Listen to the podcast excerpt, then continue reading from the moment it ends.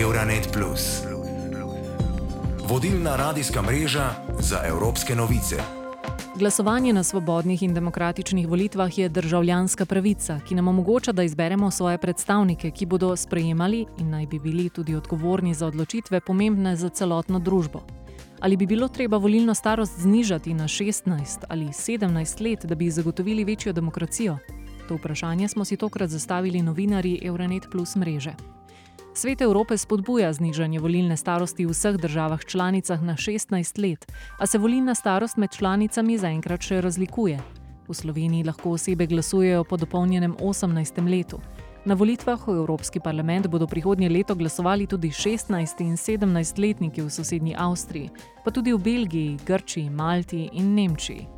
Roven Piš, govornik Centra Evrope Direkt v Götterslohu v Nemčiji, se je s Klaudijo Knopke z radia AMS pogovarjal o razlogih za to odločitev. Trenutna nemška vlada je novembra leta 2022 odločila, da bo znižala volilno starost na volitvah v Evropski parlament na 16 let. Menimo, da je to zelo pomembno, saj vključuje mlade ljudi, ki že prevzemajo odgovornost na številnih področjih v družbi in se bodo vključili v politični proces. Zlasti mlajša generacija bo vplivala na vprašanja, ki so trenutno predmet demokratičnih odločitvenih procesov, naprimer področja kot so varstvo podnebja, digitalizacija, demografske spremembe, razprava o javnih naložbah in urejanje interneta. Menimo, da bi se vprašanja prihodnosti seveda morala obravnavati v rokah tistih, ki bodo prihodnost doživeli in menimo, da je to pomemben korak volitvam v Evropski parlament leta 2024. Ponekod drugot pa je glasovanje na evropskih volitvah celo obvezno. Tako je denimo v Bolgariji, Grčiji, Luksemburgu, na Cipru in v Belgiji. Če je bilo za Slovenijo supervolilno leto 2022, Belgijo lokalne, regionalne, nacionalne in evropske volitve čakajo prihodnje leto. V Belgiji ni bilo glasovanja že od leta 2019, zato bo prvih voljivcev veliko. Prvič bodo glasovali tudi 16 in 17 letni najstniki, a le na evropskih volitvah. Novinar Arnold Russen z belgijske javne radiotelevizije RTBF se je pogovarjal z najstniki iz Bruslja in Valonije, starimi 15 in 16 let. Vprašal jih je, ali bi šli voliti in kako se ob tem počutijo. Nisem prepričana, ali bom šla voliti, ker nimam nobenih informacij. Pravzaprav še ne vem, kaj naj storim. Tudi če se poskušam informirati, je veliko člankov namenjenih starejšim, uporabljajo zelo zapletene besede in jih je res težko brati. Tudi večina ostalih je izrazila mnenje, da imajo o teh temah premalo znanja in da v tej temi niso prejeli zadosti informacij v šolah. Če bi v Sloveniji pred koncem leta volilno starost znižali na 17 let, bi po podatkih slovenskega statističnega urada na volitvah lahko glasovalo skoraj 19.500 mladih v Sloveniji, kar predstavlja 1,1 odstotno povečanje števila oseb z volilno pravico. Če pa bi se volilna pravica lahko uveljavljala z dopolnjenim 16 letom, bi lahko glasovalo okoli 40 tisoč več mladih v Sloveniji, kar predstavlja 2,3 odstotno povečanje števila oseb z volilno pravico. Podporniki nižanja starostne omejitve trdijo, da bi morali tej skupini mladih dovoliti glasovanje, ker bodo na nje vplivali odločitve, ki jih bodo sprejele današnje vlade in bi zato morali imeti več besede pri oblikovanju lastne prihodnosti. Nasprotniki nižanja volilne starosti pa pravijo, da mladi pogosto nimajo dovolj izkušenj in znanja o politiki in da je na nje lažje vplivati. Pa so strahovi, da bo na mlade moč vplivati utemeljeni. V Sloveniji deluje dijaška organizacija, ki se zauzema za izboljšanje položaja in varuje pravice dijakin in dijakov na državni in mednarodni ravni. Lahko sklepamo, da so med njimi eni izmed bolj politično aktivnih mladih v Sloveniji. Žak Župan Galunič, svetovalec predsedstva Dijaške organizacije Slovenije, pove, da kljub temu, da v dijaški organizaciji podpirajo nižanje volilne starosti, temu niso naklonjeni vsi dijaki v dijaškem parlamentu Dijaške organizacije. Predvsem se izpostavlja problem pristranskosti in obveščenosti. Nekako dijaki vidijo, da ostali vrstniki nimajo pojma o neki politiki, o neki volilni izbiri, in da so na drugi strani tudi premalo obveščeni oziroma poučeni v šoli o sami politiki in volilnem sistemu. Spomnimo tudi, da je na parlamentarnih volitvah leta 2018 svoj glas oddalo le 13 odstotkov vseh volilnih upravičencev v starostni skupini od 18 do 30 let. Galunič o morebitnih razlogih nizke volilne udeležbe med mladimi pove.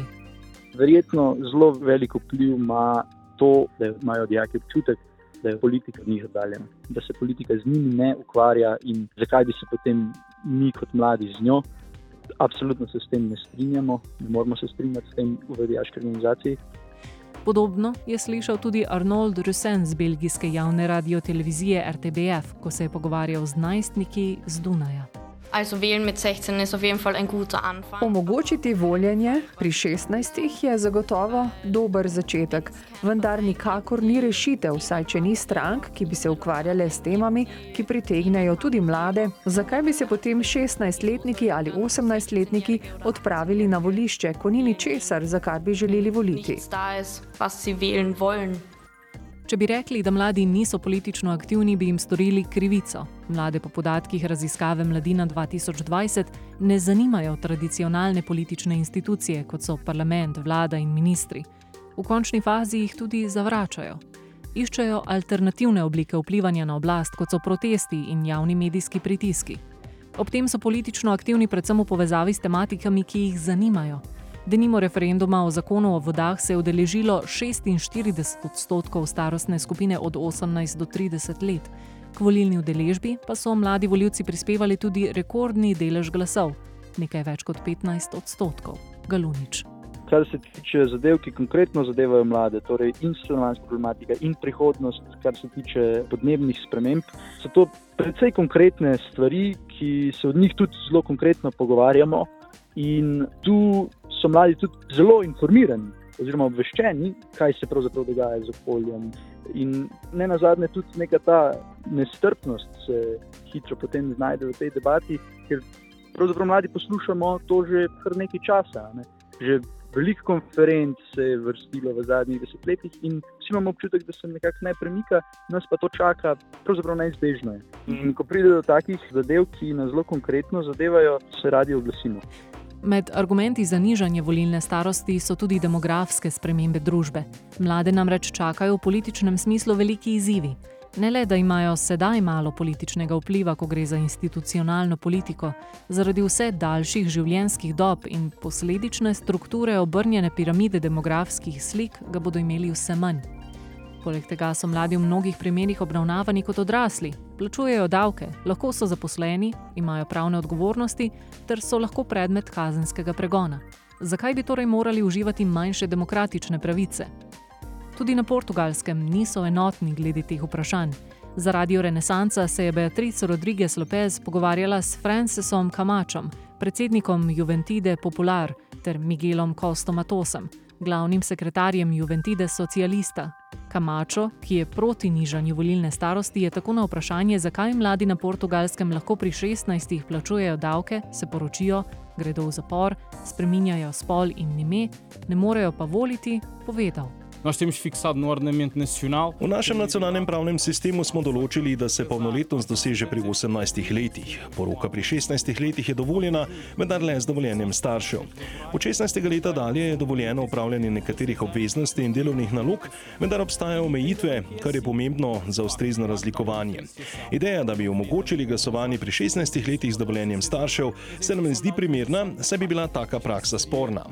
Omejena razlika v starosti ima svoj namen. Naprimer, mladostnike stare 16 ali 17 let se ne bi upoklicalo v vojsko, če bi država šla v vojno.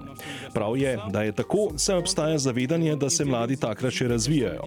Zato nasprotujemo tej spremembi. Smo mnenja, da gre za ukrep, ki ni ključen in bi razočaral pričakovanja nove generacije.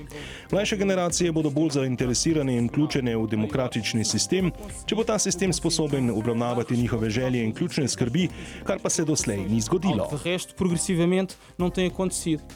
Po drugi strani pa je Miguel Costa Matos, ki podpira znižanje volilne starosti, povedal. Moramo priznati, da se vse več držav v Evropski uniji odloča za dodelitev volilne pravice pri 16 letih in to ni na ključje. Ta generacija je bolj pripravljena, bolj informirana in bolj voljna sodelovati. In na koncu koncev moramo prisluhniti naraščajočemu soglasju v naši družbi o zakoniti volilni pravici pri 16 letih. Zato se borimo v socialistični mladini že 30 let in nikoli ni bilo toliko strank in družbenih gibanj, ki bi podpirala volilno pravico pri 16 letih. Prav tako je pomembno omeniti, da zdaj, ko se skoraj vse več mladih odloča ostati v šoli do 18. leta, kar je v nasprotju s stanjem pred 30 leti, ko je polovica mladih zapustila šolo prej, imamo zlato priložnost za zadržanje voljivcev. Tako bomo imeli voljivce, ki bodo bolje obveščeni o tem, kako deluje demokracija, saj bodo le, ko bodo informirani, lahko izrazili svoja mnenja. In šele, ko bodo slišani, se bodo počutili vključene in motivirane za sodelovanje v demokraciji. E nós não devemos excluí-las eh, por esse motivo. Tudi 23-letna Hanna Lahe, članica estonskega parlamenta, s katero se je pogovarjal Mart Valner z estonskega Kuku radija, se v svoji državi zauzema za znižanje volilne starosti do leta 2029. põhjus, miks noored tahavad äh, valima minna, aina enam tegelikult. Razlog, zakaj se mladi vse bolj želijo udeleževati volitev, je, da bolj poudarjamo vrednostna vprašanja, ker smo v primerjavi s starejšimi generacijami odraščali v okolju, kjer so bile naše osnovne potrebe zadovoljene. Ne bi nas smeli označevati kot občutljivce, živimo v drugačnem svetu, odraščali smo v drugačnem okolju, vrednote pa so za nas še posebej pomembne v globalnem kontekstu. Pogosto se zdi, da mladi niso tako zainteresirani za lokalne zadeve, kot pa za podnebno krizo in krize človekovih pravic. Pričakovanja do politike so se med mladimi bistveno spremenila in menim, da so to prepoznali mnogi politiki. Kar zadeva aktivizem, naprimer mnogi mladi, ki želijo slišati več o podnebju in okolju, glasujejo za kandidate, ki zagovarjajo te zadeve. Zdi se mi, da se mnogi politiki lotijo izkoriščanja tega dejstva, ne samo v estonskem kontekstu, temveč globalno. Pojavlja se youth washing, politiki pravijo, da so mladim prijazni, se ukvarjajo z vprašanji, ki so pomembna za mlade, želijo vključiti mlade, potem pa mladi volijo za nje. Vendar v resnici besedam nič ne sledi. To ne velja samo za volitve, ampak tudi za splošno vključevanje mladih v politične procese. Kako pogosto povabimo mlade k razpravam, koliko vložka iščemo od njih, koliko dovolimo mladim, da razmišljajo in kaj je rezultat. Sama sem bila na primer mladinski klimatski delegat na konferenci COP27. Trenutno sem članica Mladinskega okoljskega sveta in odeležila sem se številnih mladinskih dogodkov v Evropi. Vidim, da ko mladi pridajo za mizo, pogosto ne sledi nič smiselnega. To je tudi zelo pomemben razlog, zakaj bi morali znižati starost za kandidiranje za javne funkcije, da bi mladi sami postali odločevalci. In kaj bi morali po mnenju Galuniča biti nadaljni koraki, preden bi pri nas znižali volilno starost? Kako bi mlade lahko pripravili, da bi bili dovolj informirani in samozavestni pri političnem udejstvovanju? Izpostavi predvsem pogovor, da bi se torej o politiki, ne glede na kočljivost teme ali naše prepričanje, bili sposobni več pogovarjati. Ob tem omeni tudi to, da velja razmisliti o spremembi šolskega kurikuluma. Mnoge mlade moti to, da se pač poučevanje zgodovine v srednji šoli nekako ostreje konča, pri drugi svetovni vojni pa potem zelo na hitro predela še 50 oziroma 70 let do danes.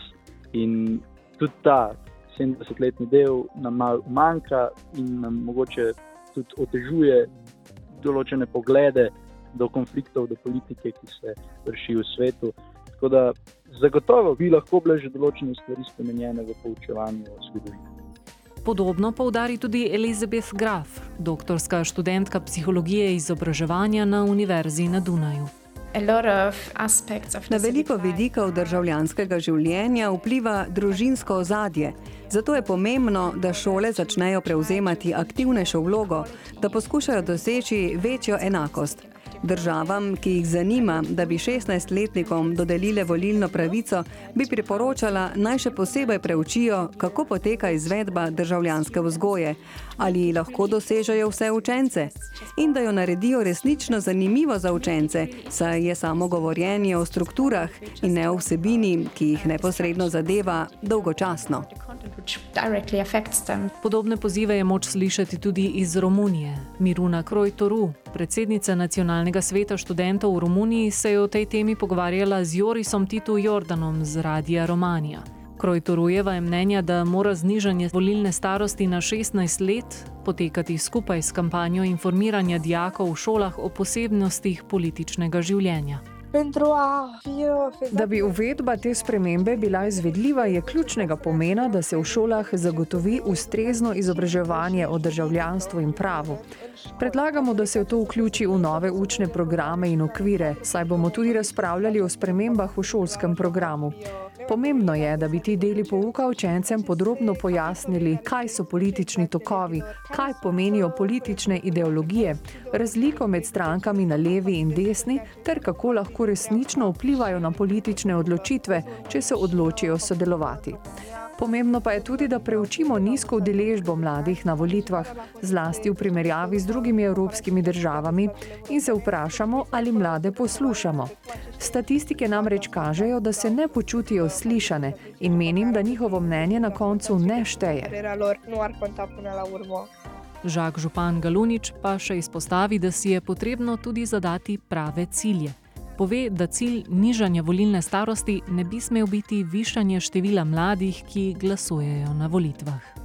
Cilj bi najbrž mogel biti, oziroma po našem, mogel biti to, da se da možnost tistemu, ki se nekako dejstvuje v teh mnenjih, ne glede na ideologijo, seveda, ker takih, če tudi jih je peščica, pač so. In verjetno bi taki potem tudi v družbi širili besedo o tem, da se mladi se med sabo zelo pogovarjamo o temah, kot so podnebne spremembe in soočamo stališča glede njih in stanovanjski problematiki in tudi nekih lokalnih problemih. Naj ne bo cilj to, da bo pa zdaj to ekstremno povečalo volilno udeležbo mladih na volitvah. Pač to ne bi bilo pravično, če bi se to pričakovalo. Euronet Plus za boljše razumevanje Evrope.